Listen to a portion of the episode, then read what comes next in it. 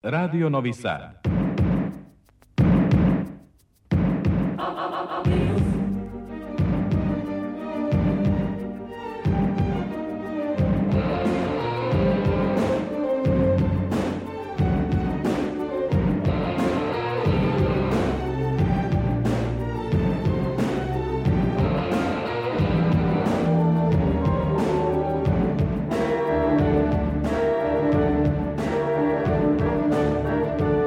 Spektar.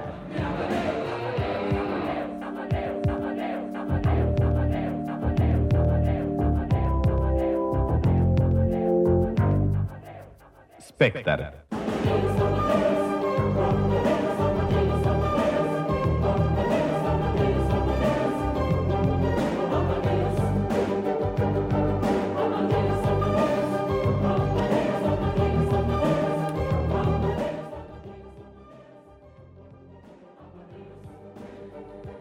Deseti sati i 15 minuta, dobroveče dragi slušaoci. Prvi dani septembra i kulturna scena već u punom zamahu. U Novom Sadu počeo takmičarski program 50. infanta u Zrenjaninu sutra u pozorištu Toša Jovanović. Prva premijera u sezoni Ljubinko i Desanka Aleksandra Popovića postavio Milan Nešković. U Novom Sadu počeo šesti kaleidoskop kulture juče koncertom na bulevaru Mihajla Pupina, a večeras izveden multimedijalni program Neraskidive veze. Dodelom književnih nagrada završen Međunarodni Novosadski književni festival. U fabrici Studenskog kulturnog centra u Novom Sadu još sutra traje 17. strip vikend, čiji je sastavni deo ove godine bila i konferencija pod pokriviteljstvom Evropske unije o ulozi žene u stripu. Ovim informacijama počinjemo večerašnji Spektar, magazin za kulturu prvog programa radija, radio televizije Vojvodina. Ja sam Aleksandra Rajić, slušate nas narednih sat i po.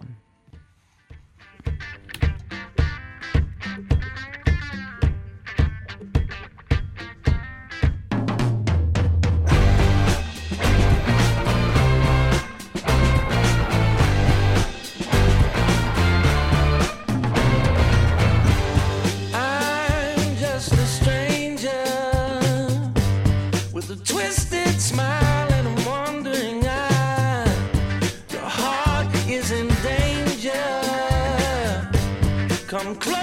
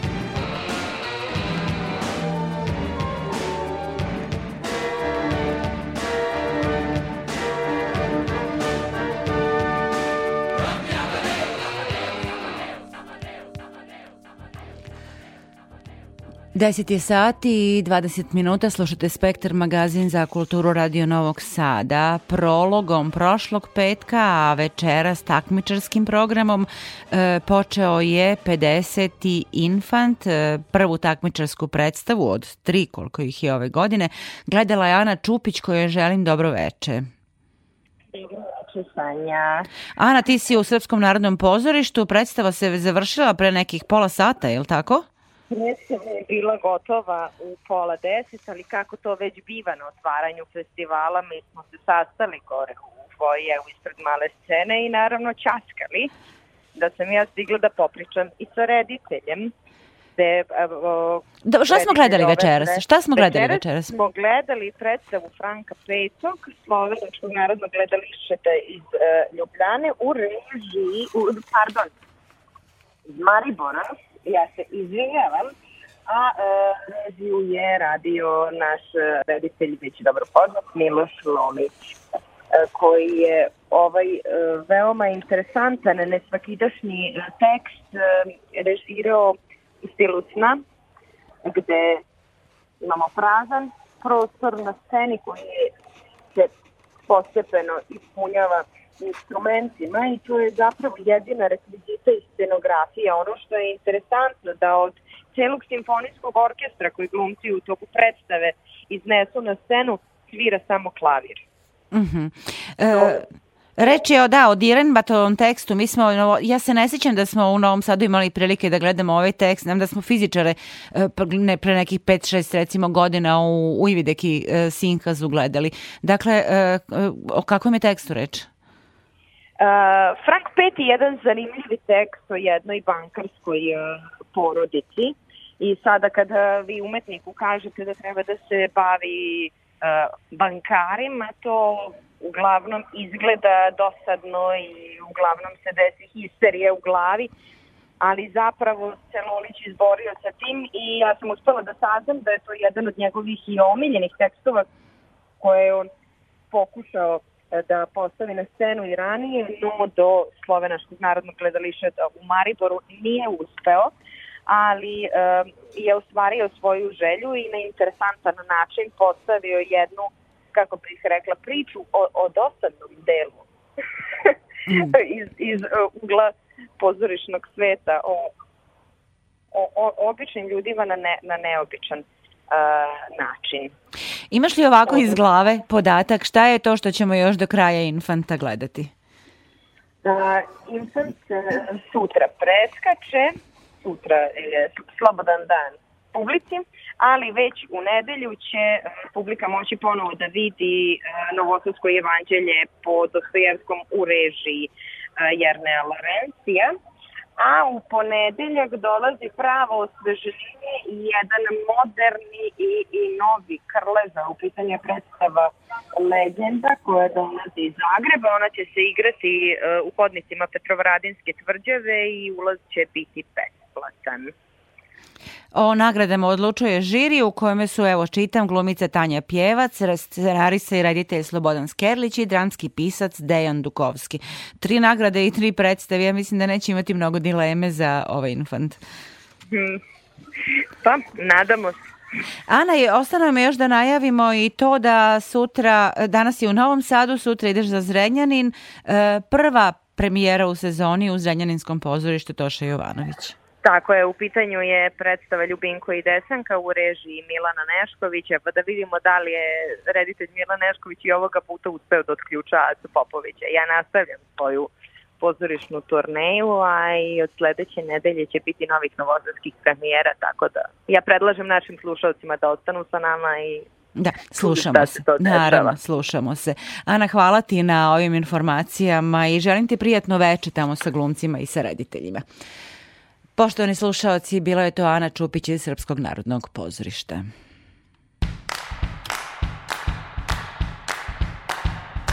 I'm walking, you and me, I'm talking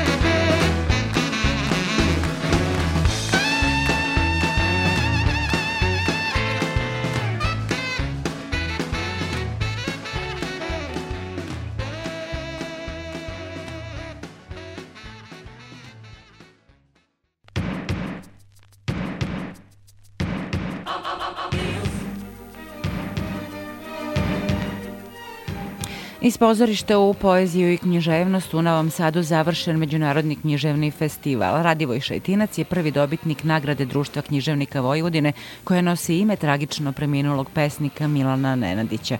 Priznanje je Šajtincu uručeno na zatvaranju 18. Međunarodnog Novosadskog književnog festivala. Šajtinca i Nenadića povezuju ne samo Zrenjanin, nego pre svega esnavsko međusobno poštovanje, što Šajtinac u razgovoru sa Tatjanom Novčić-Matijević i između ostalog i ističe. Biti prvi u nečemu tako važnom kao što je procena, čini mi se prija, bez obzira koliko bilo kilometraže, priznanja i sve što ide uz jedan višedecenijski, ali predani rad. Stvari u tome da ovo sve kad razmišljam o šta kako da odgovorim, moram da oslobodim prvo prigovodosti obične, drugo da se oslobodim nekog memorisanja, jer mi smo vel, veliki prijatelji, intenzivni, posebno dok je živeo u Zreninu. I to nismo mogli da ne, ne delimo. Meni se učinilo da on ponekad bio tvrd i onako vezan samo isključivo za neku vrstu epike koju je poneo odande, ali je to bila jedna moćna, malo osenčena poezija i bila je i ostala nedostižna. U to stih kao recimo ako to život, to belo, to vrlo, priznate mu se mora hrabro se živilo. To su stihovi koji su nedostižni. Pisao je druge pesme i njegova poezija je bila u tom smislu jaka. Znači, to nije bilo samo stvar afiniteta, ali je sada u ovoj, u ovoj situaciji ja primam nagradu sa njegovim imenom. Ti kažem pravo, to mi je ka- kao na strah koji sam imao kada je moj veliki prijatelj Voja Despotov, s kojim sam živio malo te u istoj ulici, godinama, odrastali smo zajedno, doživao da prođem po njegovom ulicom sa njegovim imenom u jednom delu Zrenjina, razmišljam, možda je moglo biti bolje, ali bez ikakve pravde koja je jedno, jednoznačna, a to je da je on ostao i da, pro, da je prolazio mojim ulicom. Šta će nam te ulice? Ulice su dobre za ljude koji baš ne znaju puno o tim imenima. Da potraže, da uguglaju ko su ti ljudi koji su zaslužili ulice. I kao što, ko su ti ljudi po kojima se zovu nagrade? Ko su ti koji se izdvajaju? Ja sam sigurna da mnogi će sad googlati ko je Radivoj Šajtinac. Zrenjaninci neće, ljudi koji se bave književnošću neće, jeli? I otkriće pa jedan arhipelag ozbiljni književnih tekstova, što poezije, što proze. I meni je drago da ste vi aktivni i pola veka se složilo. Pola veka, da. Pola veka se složio, ali ja imam 60-70 godina, ali pola veka pisanja, to je tačno. I pola veka i 50 knjiga. Znači knjiga godišnja. Znate, me, tako je ispalo, ali je stvar u tomu što nisam brojao. Je stvar to- lepo što čovjek, kad se okrene za onim što uradio, što ispada ne baš znači ima taj znak koji ste vi naznačili. To je da se, kako se posle prepoznate po svemu tome. Jer prepoznate se i po nekoj biografiji, onda se, onda se vidi da vaša biografija čine najbolji, najdragociniji opisi požrtvovanja koji imaju sadržaj i pritom imaju nešto što i drugima darujete. Ja sam se uvijek e, čudio kako je moguće uzvratiti na jeziku koji mislite, čitate, čitate, pišete, dostići taj nivo da kad nešto uradite, a vidite da je epifanija od otkrića, da to ni- niko nije stvorio, govorimo o sudbini koju, koju deli sa svima pomenutima, o, i moji kolege pesnicima. I, I tu je draž e, književnosti i Pa jezika, u toj autentičnosti Pa, i individualnosti. Ja. da mu kažete ovoga trenutka kako možda se ovoga niko nije setio, ja ti uzavćam ti koji si mi dao taj jezik i ko- i tako da to nije nikakva patetika, ali se, ba- bar se bez toga ne može. Sam Milan Nenadić bio je čovjek koji sebe nije štedao u tu, ne mogu da, da kažem da to nekad treba upoređivati sa sami sobom. Ni ja se nisam uštedao. Kad pomislim kako to nekorektno da ja moram da ljude op- opterećujem situacijama svog, svoje bolesti koje sam preživio, koje preživ, preživio, jer to opterećuje. Ja sam imao taj problem da se dva možda, možda nudara sprečila da govorim. Znači, vi ste trebali da se borite između onoga, sunce moje gleda nas u oči, da vam kažem, između onoga što je ruka i onoga što je šapat. A ne može se piše, da vam kažem, bez šapata niko ne može piše. I prozi i poeziju. Vi možete imate taj primarni šapat koji će stvoriti pa i posle su se rodile, ne, rodilo nešto što je sada bez čega ne mogu, znači bez tastature, bez, svega. sad ne, bi- ne mogu raditi, jednom rukom pišem. Kao što sada govorim, i to je on nešto što bi trebalo da, da bude ne, baš poklon vama. Jel obećavate nove knjige? Hoću svakako, evo tebe izađe još jedna knjiga pesama i ima divan naslov. Evo da, daću vam tu tajnu. Naslov te knjige ovako Vrati trave. Nije vla, nisu vrati trave, nego nešto što u čemu raz, razgovara neki, neki drugi način sa prirodom. Takav otvoren i žestok odgovor sa prirodom ima i Milan Mandić.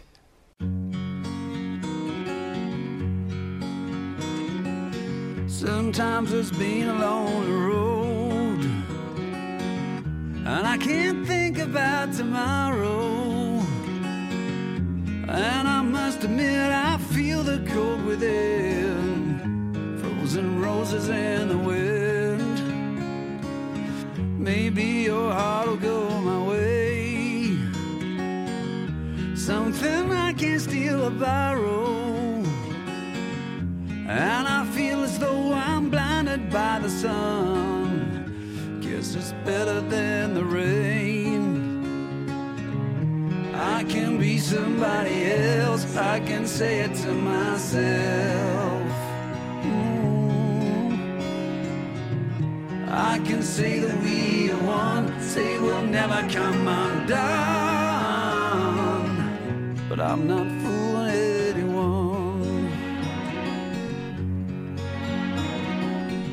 I know that time's moving on. And I'm not so good lying. Every fallen leaves a question in my mind. Could I leave it all behind? I can be somebody else, I can say it to myself. I can say that we won, say we'll never come undone. But I'm not fooling anyone. I can hide the way I feel in my chest, heart of steel. I can't pretend, I can't pretend. In my chest, a heart of steel.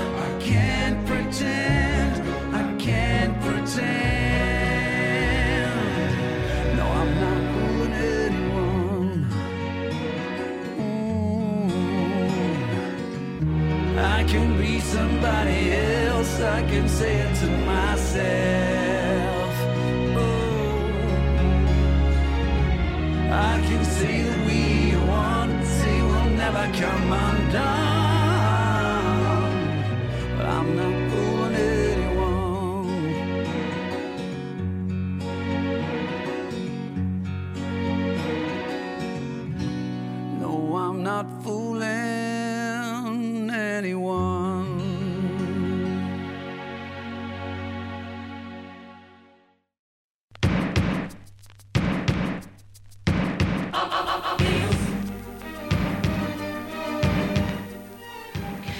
Brankova nagrada Društva književnika Vojvodine ove godine pripala je Aleksi Krstiću za pesničku zbirku Dečaci istočnog bloka objavljenu 2022. godine u izdanju Gradske biblioteke u Čačku i već ovenčanu nagradom Mladi dis.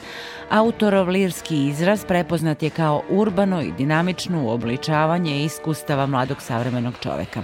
On kaže da piše inficiram kulturom u najširem smislu kao i svim unutrašnjim pitanjima koja pretenduju da postanu društveno-politička. Sa Aleksom Krstićem razgovarala je i Sidora Bobić.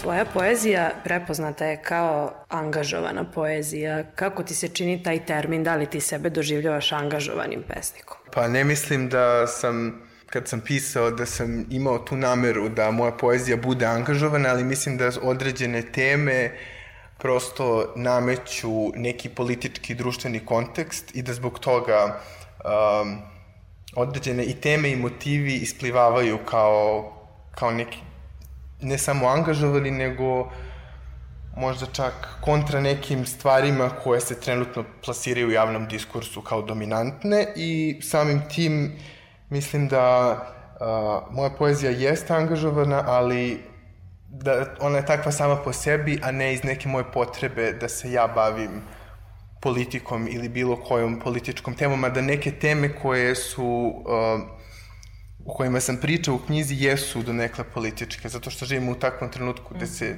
s jedne strane sve politizuje, a sa druge strane da je... pitanje identiteta jeste političko pitanje. Dakle, radi se o potrebi koja je unutrašnja jer tebe zapravo dotiču te stvari oko tebe imaš potrebu da se o njima izraziš. Jeste, da, pre svega unutrašnja potreba zato što se tiče mene kao bića koje ima određene poteškoće u, u životu i u društvu. Političko pitanje je tu zato što su to neke prepreke sa kojima se ja kao autor, pa onda samim tim i moje lirsko ja susreću i jeste ta zbirka nastala u stvari i, i svaka moja pesma iz neke unutrašnje potrebe da progovorim o stvarima koje me možda muče, nekad uzbuđuju, a nekad mi daju motivaciju da ili pišem ili da se izražavam neki drugi način, može da se kaže da se borim. Kako bi opisao svoju poetiku i svoju estetiku? Ja bih voleo uh, da je ljudi dožive kao neki neo rock and roll, zato što se dosta nadovezujem na, na 20. vek i što se tiče književnosti, pre svega bit poezija, ali i što se tiče muzike, kao što je Velvet Underground i Lou Reed, onda David Bowie, i, i ostali uh, pioniri te rock kulture koja je donela dosta promena, uh, koja je meni lično važna uh, i u tom estetskom, ali u nekom moralnom smislu. Znamo da, su, da je 20. vek dosta važan zbog seksualne revolucije i zbog uh, nekog ohrabrivanja uh, kroz pop kulturu, da se ljudi izraze, da da ne doživljavaju više tako rigidno, ne znam, te rodne karakteristike, onda imamo, ne znam, Bovija koji se šminka i tako dalje. To mi je bilo dosta interesantno jer se suprotstavljalo nekom konzervativnom pristupu. Da li je na neki način za tebe ova nagrada posebna? Kako je doživljavaš? Jeste, ovo mi je velika afirmacija, ova nagrada mi je velika afirmacija zato što sam prepoznao da neki, da neki drugi ljudi prepoznaju i teme koje se tiču mene i samim tim i tu poetiku koja je nekako meni prijemčiva i naravno da je veliki posticaj kao mladom pesniku da nastavim da pišem i da, da ako ništa drugo da mi neko kaže da je to što radim dobro pa da, da mogu da nastavim da radim. Čestitamo ti mnogo na ovom priznanju. Hvala ti što si govorio za Radio Novi Sad. Hvala i vama.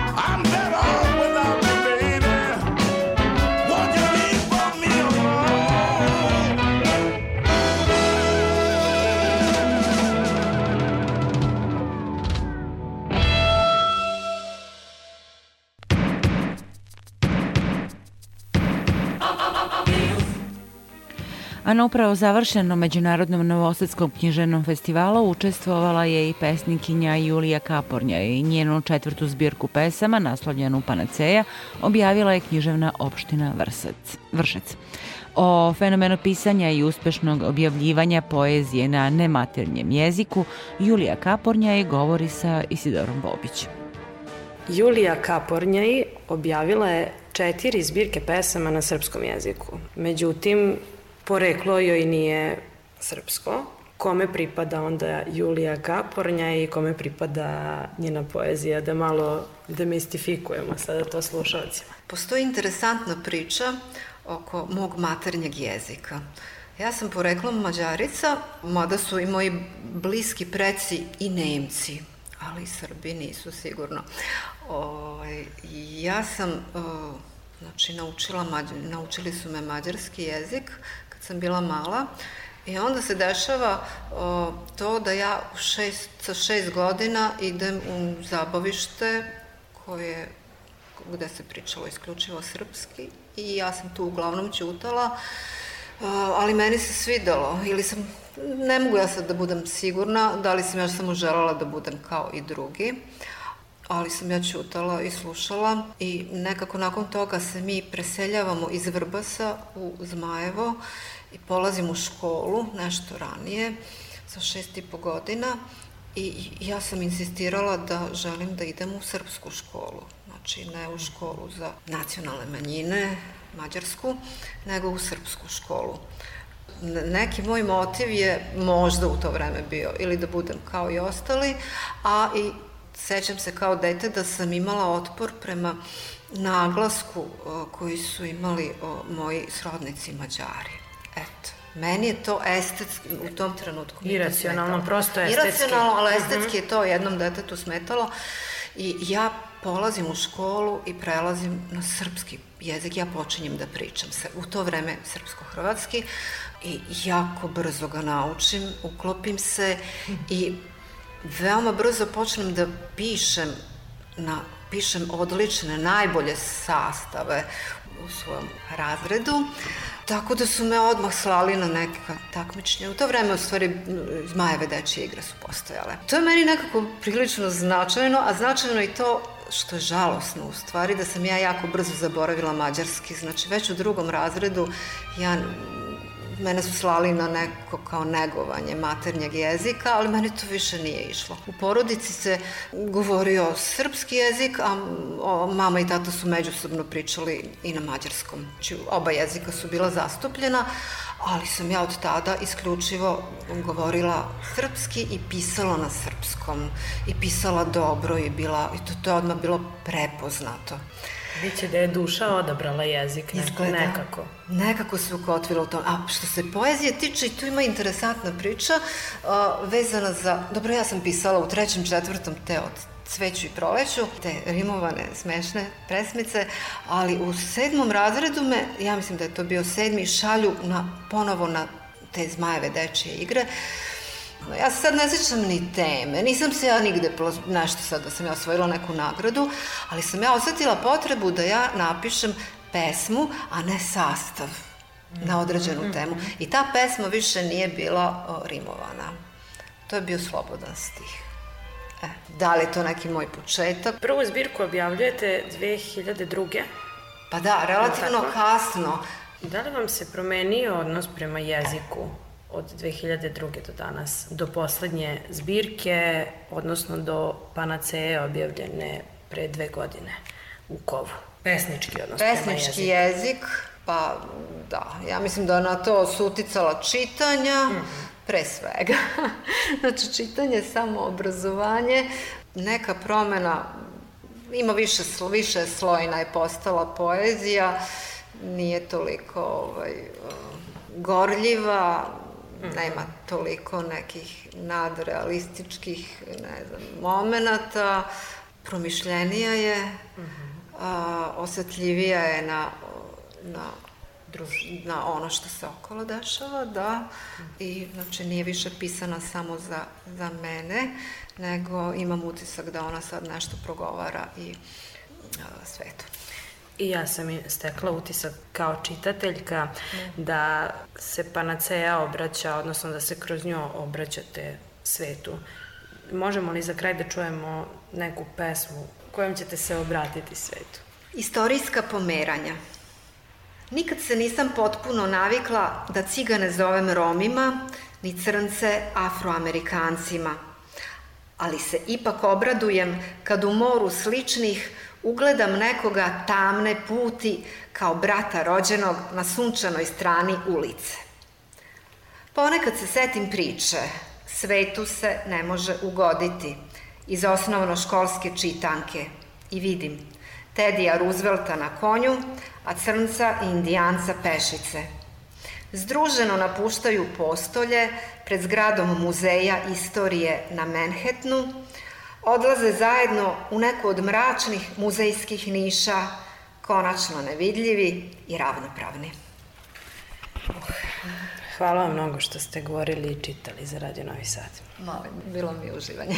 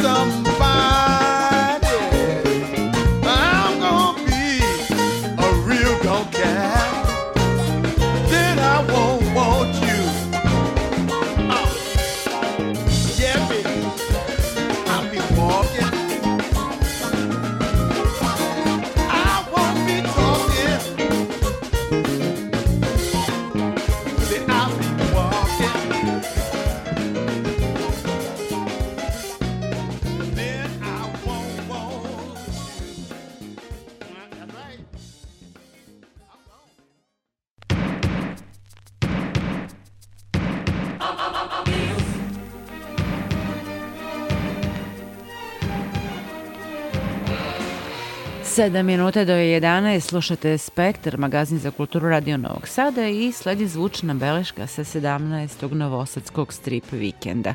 Program je ove godine proširen Evropskom konferencijom nazvanom Moć žena u stripu.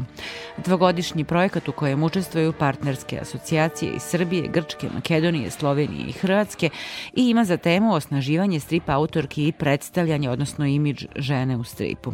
Projekat srednjeg formata vrednosti pola miliona evra podržala je iz svojih fondova i Kreativna Evropa, a nosilac je Studentski kulturni centar Novi Sad. Konferencija je uh, juče i danas problematizovala i tematizovala različite aspekte ženskog stvaralaštva, uporedila francusku i srpsku, odnosno balkansku scenu nezavisnog stripa, promovisala ženski aktivizam u stripu i naglasila važnost udruživanja radi izlaska na scenu.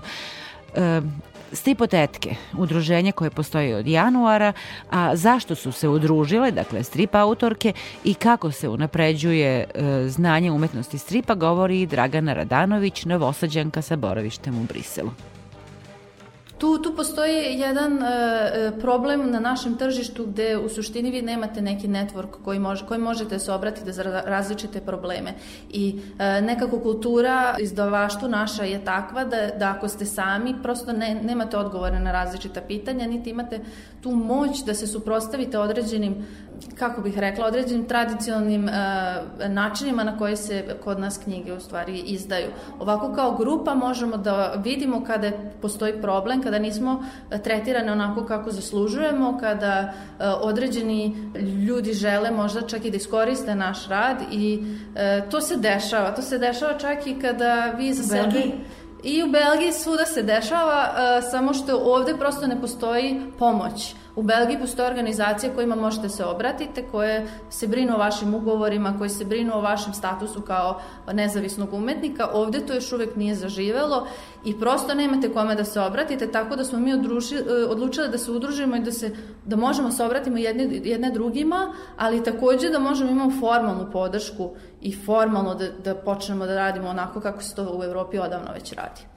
Šta je to što radite trenutno u Belgiji, osim toga što crtate? Bavite se i svojim obrazovanjem? Da, ja sam trenutno na doktorskom programu, znači završavam doktorat tema? sledeće godine. Tema je u stvari reprezentacija teškog detinstva u stripu, a radim na tome da teorijski i praktično prikažem bombardovanje Srbije 1999. godine na jedan nesvakidašnji način, da kroz taj moj pro, e, projekat, kroz tu knjigu vidim na koji način autori pričaju o teškim temama i o detinstvu e, generalno. Tako da eto tu sam na polu teorijskom, polu praktičnom radu i asistiram naravno u času, na časovima u Lucas School of Arts in Brussels i tamo sam naravno koleginica divnim nekim e, e, ljudima, strip autorima koji mi u stvari mnogo pomažu da prenesem određene prakse ovde u Srbiju kroz stripotetke, kroz just, e, kroz, vidite ja čak i mešam engleski, ovde, kroz različite vrste aktivnosti sa našim i devojkama i momcima. Imamo sjajne, sjajne autore, samo što nisu vidljivi. Je li ovaj strip vikend, odnosno ova konferencija u tom cilju neki pomak? Naravno.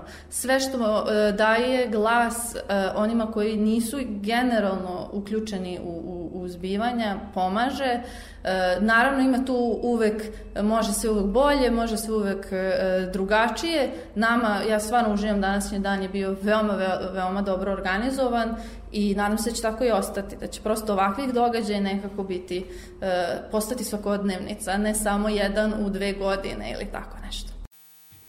Sastani deo projekta Moć žene u stripu bila je rezidencija za mlade umetnice na kojoj su stvarale svoje strip table i izložile ih na završnoj izložbi. Jedna od, metor, od mentorki bila im je istoričarka umetnosti Dragana Garić-Jovičić. Pa dobili smo grupu u stvari umetnika koji su svi e, različiti. Neki su već e, imali iskustva u stripu, ali mnogi su prosto došli iz drugih medija, čak iz keramike, animacije, videa i tako. I ovaj, ono što je zajedničko, mislim da, da su svi oni jako zahvalni za šansu da stvaraju dve nedelje, da samo crtaju. To su svi napomenuli, jer mnogi od njih rade, imaju poslove i onda prosto ne mogu ovaj, da se posvete dve nedelje samo jednoj temi. Oni su u te dve nedelje morali da osmisle priču i da je sami raskadriraju i naprave strip od toga. Mi smo u tome pokušale da samo trasiramo te njihove priče, ali nikako da ih pritiskamo i u tome su nam dosta i sami organizatori pomogli, tako što prosto oni koji su želeli da stvaraju zajedno, a uglavnom su to mlađe umetnice, one su stvarale zajedno i to je bilo divno videti, verovatno to je generacija prosto koja su post korona koja dosta je i online studirala ili ovaj se školovala. Mislim da je njima svima dragoceno iskustvo ovaj, da prosto mogu da stvaraju zajedno, da su dosta ideja, dobro da su do kraja, prosto je bilo onako prijateljstvo i to mislim da, da je jedna od učesnica ovaj, napomenula koja je bila i na tom Erasmus projektu, da je ovde bilo drugačija atmosfera u toliko što nije bilo tog ono klasičnog ko je bolji umetnik, nego su stvari nekako se trudila ipak da, ovaj, da tu budu jedna za drugu i do kraja su onako tu i te stripove zajedno štampale, išle štampariju jedna druga verzija, tako da eto mislim da je to onako dragocenost i mislim da, da većina njih ovaj, su rekla da će ostati u kontaktu, tako da eto mislim da je to ovaj, dragocenost, a svakako su ostali i radovi koji su odlični, koji će priče, koje će putovati još na 11 mesta će se ova izložba seliti, tako da će videti region, a i to je takođe i šansa za njih da se vide za neki kojima je ovo prvi strip, da se čuje za njihova imena. Projekat traje dve godine, kako će se razvijati osim evo, tih izložbi koje e, Pa konkretno, znači nastavlja se u Budimpešti festival koji će i sa rezidencijalnim boravcima koji će uh, imati akcent, na primjer, na uh, igri, malo je drugačije jer su tu uključeni muzika i ovaj, prosto je svaki tematski, ovaj, bit će u Crnoj Gori i uh, mislim u Hrvatskoj. Jovana Vuković studira ilustraciju na Novosadskoj akademiji umetnosti. Sa entuzijazmom i oduševljenjem učestvovala je u rezidencijalnom programu ovog godišnjeg strip vikenda. Utisci su mi savršeni, sve devojke su potpuno lude, sve što smo uradili ovde je savršeno, to dve nedelje je bilo sa ovog kreativnog rada cela rezidencija, svi mentori su došli kao mame, dve nedelje su tako brinuli o nama, sve je bilo super. Mislim, sad, Šta ste novo naučili? Pa ne znam, naučila sam sam rad u grupi, u stvari inače volim da radim sama i onda rad u grupi, mislim sam da mi ne odgovara ranije, ali toliko je inspirativan sa svima okolo koji radi, koji švrljaju, to bi se jako dopalo, tako da mogli bi to početi da praktizuje malo više. Sad vidimo da osnovu ove konferencije da nije neuobičajeno, jel da, da se žene bave stripom, ovaj, koji je vaš razlog? Pa ne znam, ja sam ono od kad sam bila mala, jel, voljela da švrljam, da crtam i onda je na, to je na časovima počelo da crtam prvo scene s časova, ali ono, anime i tako te stvari isto, da ne verujem ja to, to ta ideja da je strip muška stvar, jel da to nećemo komentarišemo uopšte, mislim, feminizam, idemo. Da, ne znam, od uvek je to bilo i samo je počelo da se pojačava. Vaša tabla je 13-godišnjak u školi. Da. Jel to ima neke veze sa ovim što se dešava u školi? školi? pa, nemam više veze što se dešava u školi, nego inače u svetu, jer ideja bila da ako tako mlada devojčica ili mlada deca provale da je svet e, ide u lošem pravcu i da toliko žele da pobegnu iz sveta, to onda možda okrene ljude na tu neku stvar, da možda na ideju da razmišljaju, hej, možda stvarno nešto nije u redu sa svetom ako 13. godišnja devojčica želi da pobegne s ove planete. Konferencija se nastavlja, čuli smo najpre u Mađarskoj, a potom u Hrvatskoj. Sanja Burlović iz partnerske organizacije Atak u Zagrebu i konferenciju vidi kao priliku za promociju nezavisne strip scene. Nama je vrlo važno to da, da su nas zapravo nositelji ovog projekta, to je SKC Novi Sad da su nas zvali da, da sudjelujemo kao partneri zbog toga što ovaj projekt stvarno osnažuje taj nezavisnu, nezavisnu scenu, nezavisni strip. Strip je stvarno ono na totalnim marginama nalazi se negdje i uglavnom neka percepcija o stripu je ta da se njime bave nekakvi čudaci ili čudakinje a tu govorim prvenstveno o ovom nezavisnom stripu, a ne komercijalnom, jer komercijalni strip je a, vrlo poznat, to su se oni super junaci po kojima se snimaju filmovi, ne znam šta, to je potpuno druga mašinerija i potpuno neki drugi svijet od ovoga što mi zapravo ovdje radimo. A ovo što mi radimo to je nezavisni strip kojeg ima jako puno, a zapravo je nevidljiv osim za one ljude koji baš vole to i, i su cijelo vrijeme u... Koliko je žena u tom stripu i kakva je njihova mogućnost da eto utiču na da i ta scena bude vidjeti? Pa znate šta, pa u, u, zapravo u posljednjih ne znam nekoliko godina je meni je izuzetno drago, pogotovo recimo na ovoj rezidenciji što je bilo, što je jako puno mladih mladih ove cura su se počeli baviti i stripom i evo mi isto iz Hrvatske smo poslali mlade cure koje su studentice. Sve više i više mi imamo u Zagrebu isto Ohoho strip festival. I u zadnjih nekoliko godina stvarno više autorica sudjeluje sa svojim i radovima u našem istoj fanzinu koji radimo i na izložbama, tako da ono, ako moramo usporediti pred nekih deset godina i sada više, više stvarno autorice jesu ovaj, u stripu jer zapravo strip nije nikakav, ne može se to reći posao, od toga se ne, ne može zaraditi neke novci. To je neki kao hobi i dobro je zapravo da se autorice počinju i baviti time jer, jer vole to i zanimljivo im je, da. A ovaj projekt upravo i daje tu priliku i mladim autoricama da se malo više pokažu, da, da povećaju svoju vidljivost i da... Da ima li žena na tržištu zapravo? A, mislim da ne možemo govoriti, kad se radi o nezavisnom stripu, ne možemo govoriti o tržištu. Tu ne možeš uh, zaraditi, mislim. Zato i ovi projekti ovakvi postoje, jer uh, se financiraju, financira se i rad tih umjetnika i umjetnica tako što dobiju nekakav simbolični honorar jer sudjeluju ne znam, u izložbi ili ali inače ovakvi stripovi se baš ne prodaju. Oni jesu u fanzinima koji su kao nekakve skup različitih stripova, ali ti fanzini isto nisu toliko skupi da bi se mogli honorirati, osim ako naravno nemate ovako neki projekt pa možete izvojiti novce. Da, da. Eto, to je to.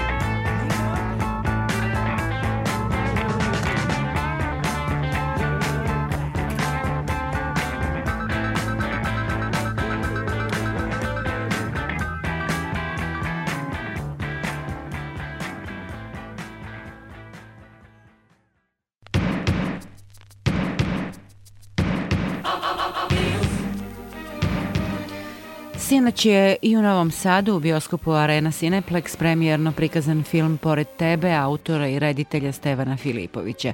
Radnja je smeštena u vreme pandemije virusa korona kada smo svi osetili kako je to biti zaključano i odsečeno od sveta.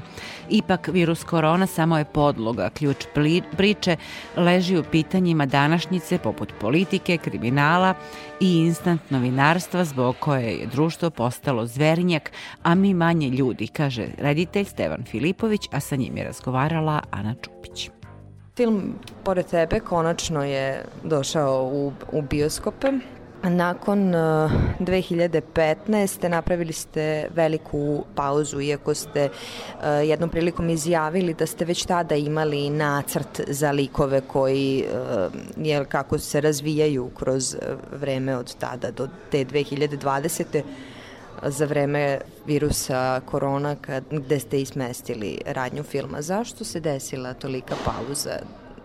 Mi nismo znali 2015. da će 2020. biti korona. I kako je došlo do srži, do, do, do, do centra jel, događaja?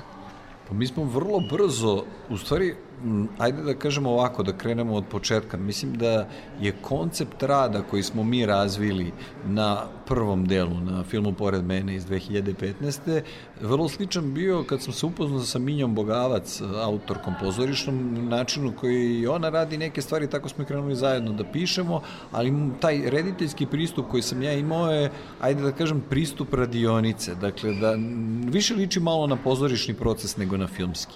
I e, mi kad smo pisali pored mene, ja sam hteo da detaljno razradimo biografije tih likova, ko su oni, iz kakvih porodica dolaze i da izmaštamo koje su njihove moguće budućnosti. Aha, a šta će da bude ovaj kad poraste? Šta će da bude ovaj kad završi školu ili šta će s njom da se desi?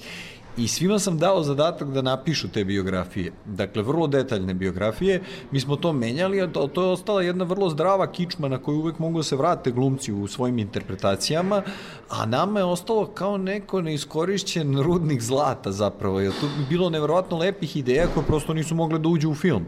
Film je vrlo konkretan, dešava se tu jednu noć, imamo toliko i toliko likova, imamo sad tipo vremena da ispričamo priču i to je to. E onda smo iz toga mi zapravo shvatili da, da, da te priče imaju potencijale da se razvijaju multimedijalno, i u serije, i u filmove, i u razne druge nekakve formate. Ono što smo prvo hteli da uradimo i što smo jasno videli je taj nastavak 10 godina kasnije, to je sad treći deo koji izlazi sledeće godine pored nas. I mi smo e, nekoliko puta odbijani, onda smo dobili neka sredstva na konkursu u Srbiji i Hrvatskoj, to je kompleksan projekat koji treba se snima u eksterijerima, u regionu, u Bugarskoj, u Crnoj Gori, pomenute dve zemlje, onda, to je najviše u Srbiji, onda u Hrvatskoj. Malo, onda smo krenuli u neku pripremu realizacije tog projekta. E, međutim, pošto smo jeli nekoliko puta odbijani sa, sa tim scenarijima, kako to već ide kad niste bliski konkursnoj mafiji, ovaj, onda e, se, suviše kasno se desila ta odluka i mi smo praktično godinu dana pred koronu zapravo dobili potvrdu da imamo neka sredstva koja nisu bila dovoljna, ali su bila neka da počnemo. I mi uđemo lepo u pripreme s glumcima i kreće pandemija. I sad ne znam koliko možete da se setite, mi tad stvarno nismo znali šta da radimo i kako da se ponašamo i svi smo bili u strahu. Posebno mi koji smo imali starije e, ukućane ili ne znam malu decu, zaista je bilo onako, baš je bilo čudno. A mi smo pokrenuli jednu mašinu, jedan umetnički proces rada na tim likovima i odjednom se to zaustavilo. I onda smo razmišljali, pa ako ovako nastavimo, poludećemo. Mislim, daj nešto da radimo. Meni je, ja sam profesor na fakultetu, meni nastava bila online. E, teretana ne radim, moram da vežbam kod kuće. Ne možeš da viđeš ljude ili viđeš sa maskama i nećeš da ugroziš, ne znaš ništa. I onda smo smislili producent, u stvari Branislav Jević koji je koautor priče, on je pogledao film Searching koji se dešava potraga u našem prevodu ceo na desktopu glavnog junaka. On traži svoju čerku izgubljenu i to je sve snimak njegovog desktopa. I sad sve šta se tu dešava. I tu stvari sam video zanimljive film, on je više eksperimentalan, ovo naše je neki konvencionalni film i tu sam video potencijal da u stvari mi napišemo neku priču dok se dešava taj to, to zaključavanje o našim likovima u toj okolnosti. Dakle, ovo nije film o koroni, ali jeste je, film koji se da. dešava u ekstremnoj okolnosti koja se zove korona i sad, eto, nije razred zaključan, nego je ona zaključana protagonistkinja Ksenija, glavna junakinja koju igra Mina Nikolić i ona ima taj internet, kako ste vi dobro primetili, koji je njoj jedina veza i svima nama jedina veza u stvari sa svetom. Dakle, to jedino sad daje mogućnost komunikacije umesto što je ukidalo. I odnosno, ajde da kažem, hendikepiralo na različite načine u, u onom prethodnom filmu ili makar tako bilo percipirano. Da, ali u prethodnom filmu, odnosno u filmu pored e, mene, e, hteli ste da napravite socijalizaciju u jednom odeljenju. A došli smo do perioda kada, dakle, ukinuli ste im internet u filmu pored mene, da ko se ne seća, a e, došli smo do perioda kada bez interneta ne možemo da se socijalizujemo. Zapravo. Eto, pa sa- sad ste rekli bolje artikulisali od mene, ali to je to u suštini. I, to, I treći deo je takav. U trećem delu je takođe su odsečeni, ali od sveta u prirodi s kojom smo opet izgubili kontakt, kontakt na razne načine. Tako da cela ta trilogija je o, o, o zapravo tim međuljudskim odnosima u, u, u, okolnostima koje nisu ove poludigitalne, poluprave koje živimo, a ne znamo još ni da ih definišemo, niti da, da se snađemo svi u njima. Mi tu generacijskih ozbiljnih razlika i sve su dublji ti, te podele generacijski.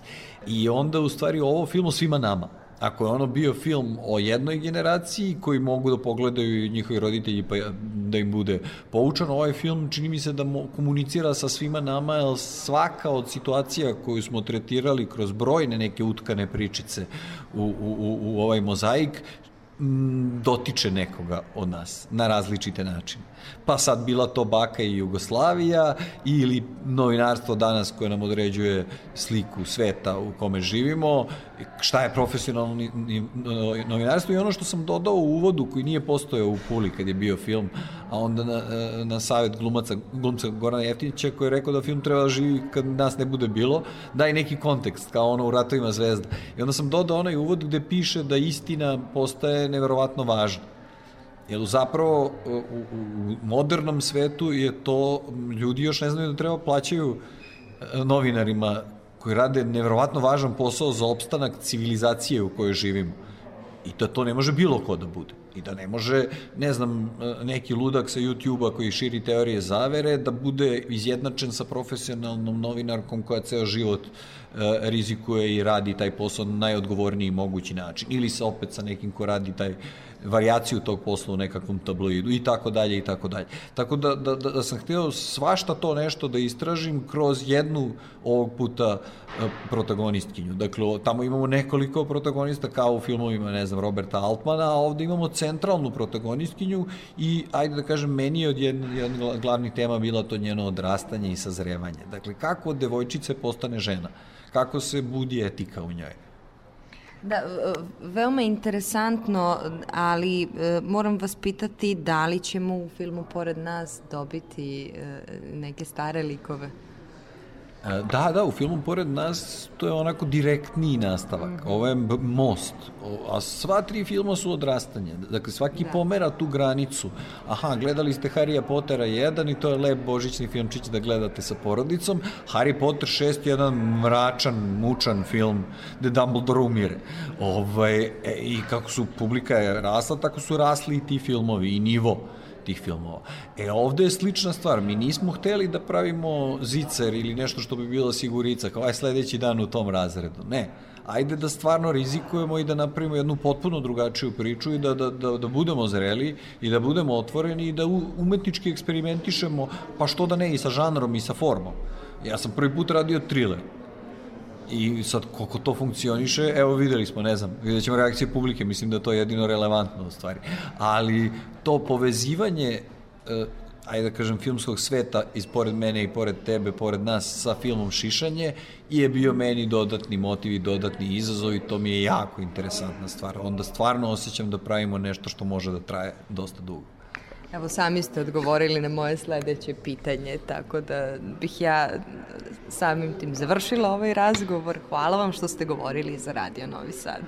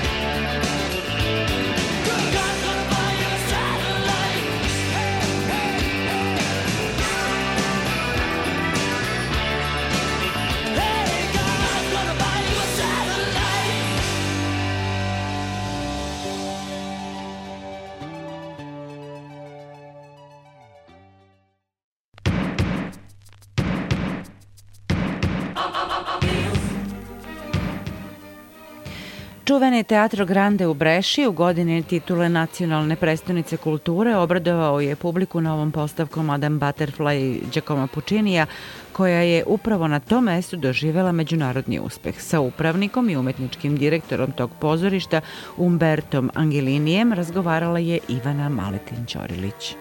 Teatro Grande je od uvek igrao važnu ulogu u kulturnom i umetničkom životu Italije. Koji je bio ključni trenutak u njegovoj istoriji? The crucial moment was the um, creation of Madama Butterfly, Giacomo Puccini. Ključni trenutak bio je postavljanje opere Madame Butterfly Giacoma Puccinija. Puccini je predstavio Madame Butterfly u teatru La Scala u februaru 1904. godine. Premijera nije prošla uspešno, pa je odlučeno da nekoliko meseci kasnije, 28. maja, nova verzija bude postavljena u Breši. Brešanska verzija je doživela međunarodni uspeh. Dakle, to je za nas veoma važno vreme u našoj istoriji. Important time in our history. Je li to razlog što ste u godini kada Bergamo i Breša nose titulu nacionalne prestonice kulture odlučili da javnosti predstavite Madame Butterfly u novom ruhu? Yes, it's an international co-production and uh, it's important for us because it's uh, Da, reč je o međunarodnoj koprodukciji i za nas je veoma bitno da je predstavimo u ovoj značajnoj godini. Odlučili smo da to uradimo sa grčkom rediteljkom Rodolom Gaetanu i sa dirigentom Ricardom Fricom, koji dolazi iz Breše, ali je prepoznatljiv u svetu. Takođe, pozvali smo fantastičnu opersku pevačicu Eleonoru Burato, koja će biti u glavnoj ulozi. Eleonora Burato in the first role. Italija je kolevka opere i rodno mesto mnogih priznatih kompozitora. Kako se opera menjala tokom vremena i kako joj danas pristupate? This is an interesting question because it's uh, our daily question. because of course uh, from one side we have to To je zanimljivo pitanje, jer ga mi sebi svakodnevno postavljamo. S jedne strane moramo da sačuvamo operu, da poštujemo tradiciju, ali istovremeno je važno da kreiramo novi način razmišljanja o njoj, jer u operi možemo da pronađemo pregršt tema za diskusiju danas. Treba da joj udahnemo novi sjaj i atmosferu i da dosegnemo novu publiku. Dakle, moramo da razmišljamo o novoj operi za novu publiku, ali da istovremeno poštujemo tradicionalnu publiku i tradicionalna obeležja opere. To je svakodnevni izazov. It's a daily challenge. Da li vam je pandemija pružila drugačiju perspektivu na pozorište? Jeste li razmišljali o uvođenju nekih promena u rad Teatra Grande? Yeah, for us was a very terrible period. Brescia was one of the most cities, um, was uh, the first city um, Da, za nas je to bio užasan period. Breša je jedan od prvih gradova koji su bili pogođeni virusom korona. Bilo je to neverovatno vreme. Mnogo ljudi nas je napustilo. Takođe, dobar trenutak da razmislimo o ulozi ustanova kulture u zajednici i o tome šta znači voditi jednu takvu ustanovu u tim okolnostima i generalno u budućnosti. Dakle, mislim da je pandemija mnogo toga promenila. Naše gledište, naš odnos sa gradom, sa umetnicima, sa samim sobom. Međutim, nakon raznih diskusija i razmišljanja, mnoge stvari su ostale nepromenjene. To je problem. Moramo da unesemo više novina u svoje dnevne aktivnosti, razmišljajući o onome kroz šta smo prošli. O kakvoj vrsti promene govorim?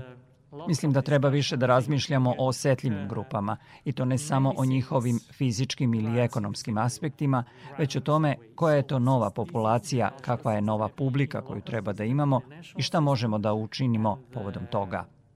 To nije lako jer, naravno, nismo u balonu. Mi smo deo sistema, kulturnog sistema, lokalnog, nacionalnog sistema i moramo imati dijalog sa većim sistemom u kojem se nalazimo. Trebalo bi da uspostavimo novi pravac u našem radu, ne samo umetnički, već društveni pravac. Trenutno mnogo radimo na osmišljavanju aktivnosti za osetljive grupe. Activities for uh, fragile communities. Je li se slika publike nakon pandemije promenila? Jeste li primetili neki novi obrazac ponašanja? Yes, the new behavior it's a very um, before before the corona. Da, primetili smo novi model ponašanja publike. Pre korone posetioci su kupovali karte unapred, obično mesec, dva. Danas mnogi to čine neposredno pred predstavu. Mislim da su takvi obrazci ponašanja postali konačni i da je to novi pristup pozorištu. Možda je to način da posetioci kažu u redu, mogu da kupim kartu u poslednjem trenutku, možda ću promeniti mišljenje. To nam je sada jasno. Međutim, veoma je nezgodno organizovati promociju i ostale aktivnosti kada posetioci odluče da kupe kartu u poslednjem trenutku. People decide to buy in last minute way. Da li vas je to motivisalo da izađete iz okvira institucije i približite se publici? I like to go outside the institution because Da, volim da izlazim izvan institucionalnih okvira jer imamo mnogo festivala. Organizujemo festival opere, veliki događaj koji uključuje više od 300 umetnika i 50 lokacija u gradu, privatnih i javnih. Obično traje od 5 ujutru do ponoći. Ove godine smo odlučili da bude dva dana, dakle dvostruki događaj za nacionalnu prestonicu kulture. Uložili smo veliki napor. Kada je festival osnovan pre 11 godina, ideja je bila da napravimo veliki događaj za one koji nemaju naviku da idu u pozorište tokom operske sezone. To je prilika da im se približimo dok obavljaju svakodnevne aktivnosti na pijaci, u prodavnici u restoranu, na ulici ili u crkvi, na različitim mestima uz veoma svež pristup. Nije reč samo o formi koncepta, nego na primjer o pevanju arija sa prozora ili na ulici. Dakle, želja nam je da uključimo što više ljudi u taj događaj, da pozorište postane deo njihovog svakodnevnog života. To je naš način van institucionalnog rada. Pregovaramo sa udruženjem prodavnica i restorana da tražimo da pripreme dodatnu hranu sa temom opere. Istovremeno koristimo neobična mesta za predstave za izvođenje umetnosti. Pružamo mogućnost sugrađanima da dožive svoj grad na drugačiji način i menjamo njihov odnos prema gradu. Zamolili smo lokalne porodice da pozovu umetnike kod njih na ručak za vreme festivala opere. To je ličan odnos između građana i umetnika, dakle bez javnosti. To je naš način da kažemo u redu, festival opere je vaš. Takođe idemo u bolnice, kao i u domove osetljivih grupa, na mesta gde nema zabave svakog dana. in the place uh, where there is no and uh, a party every day. Kako vi doživljavate projekat Bergamo Breša, nacionalna prestonica kulture 2023. Kakav je njegov doprinos kulturnom životu Breši? For Brescia, and it's very important because it's um, Za Brešu je to veoma važno jer je to prilika da predstavi blaga koja poseduje, budući da je još nepoznata kada je reč o kulturi u Italiji. Za Italijane Breša znači industrijski grad. To je šteta, pošto je veoma lep grad sa značajnim kulturnim institucijama, događajima i lokacijama. Ovo je odlična prilika ne samo za međunarodne turiste, nego i za Italijane. Za nas je to neka vrsta ponovnog rađanja da otkrijemo novu i pravu ideju o Breši. Kako Teatro Grande učestvuje u tom projektu? Many events in different ways. One of the most most important was uh, Sa mnogo raznovrsnih događaja. Jedan od najvažnijih bio je dolazak Quentina Tarantina. On je održao samo pet prezentacija u Evropi, a Breša je jedini grad u Italiji koji je posetio. Govorio je i o kinematografiji i o svojoj knjizi. Uspostavio je sjajan dijalog sa publikom. Takođe, ostvarili smo veoma uspešnu sezonu koncerata, opera i plesa. Ugostili smo neke od najznačajnijih dirigenata, poput Kirila Petrenka, Teodora Kerenzisa i Antonija Papana. Nemali broj događaja posvetili smo osobama sa invaliditetom. To je jedna od ključnih tema u godini titule i u narednih šest meseci nastavit ćemo u tom ritmu, jer su oni naša publika. Mi ne pravimo razlike. Želeo bih da pomenem jedan divan projekat nazvan Otvoreno, namenjen osobama sa invaliditetom, sa posebnim sistemom za dodirivanje i slušanje. very uh, special listening uh, system. Kakva je situacija sa mladima? Da li oni poštuju opersku tradiciju u Italiji i prate li operu? Fortunately not. uh, be, because they, they want to change, because it's important when you are young, uh, you want to, to change everything. Nažalost, to uglavnom nije slučaj jer žele promene. Kada ste mladi, hoćete da menjate svet. Ipak, deo mladih ljudi poštuje tradiciju. Nadam se da nova generacija umetnika može da unese neke promene u sistem opere, ali na pozitivan način, ne zarad uništenja tradicije. Potreban nam je balans. Za mlade je eksperimentisanje važnije od tradicije. To je izazov za nas. Važno je da promovišemo savremenu muziku i operu, ali ne suprotno tradicionalnim načelima.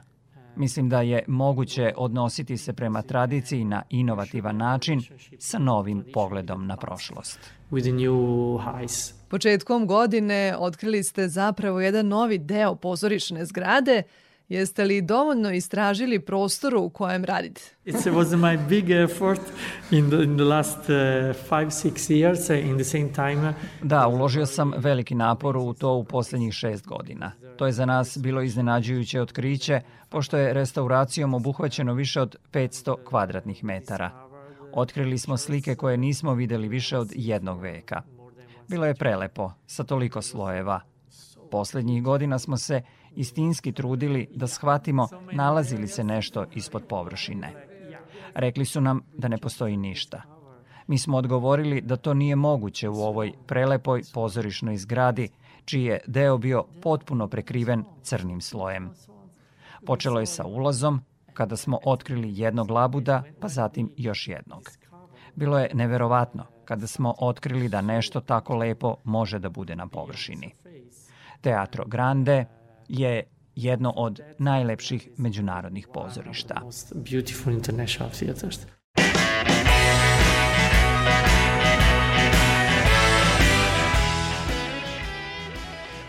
I u 25 do ponoći bio je to naš izbor za ovaj septembarski spektar. Možete nas pratiti i na sajtu rtv.rs u meniju potražite odloženo slušanje. Ovaj spektar realizovali su Zoran Gajinov, Ivan Živković, ja sam Aleksandra Rajić. Pozdravljam vas do sledećeg petka i sledećeg spektra i želim prijatnu noć. I've been a monster without a sponsor. I've been Dr. Jekyll and Mr. Hyde. I've been a goner. I've been a loner. And when my mixture was right, I was a nice bunch of guys.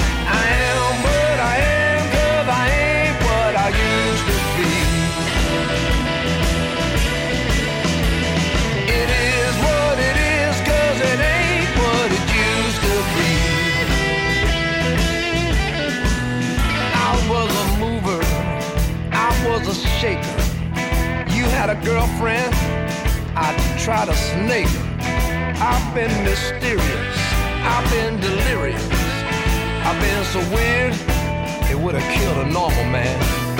I wanted money, I wanted power, I want a monument, kinda like the Eiffel Tower. I've been lost at sea, I've been lost in space, and when I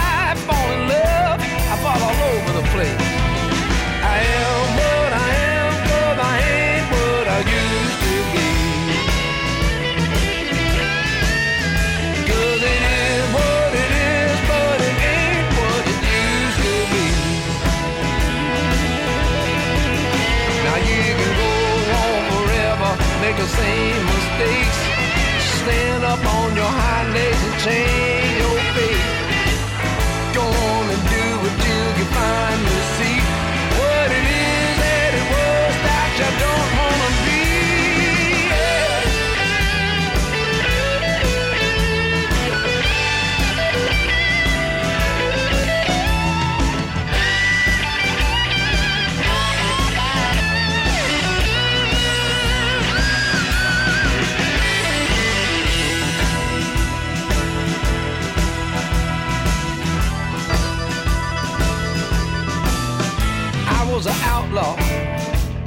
I was an in-law. I was a scapegoat. That was the last straw. I hit the highway, singing my way. But it wound up sounding like you'll never walk alone. I had a story, reflected glory. That's the way I've been seen for most of my life. I heard the laughter up in the rafters. But I never ever thought the joke was on me. I am what I am, cause I am.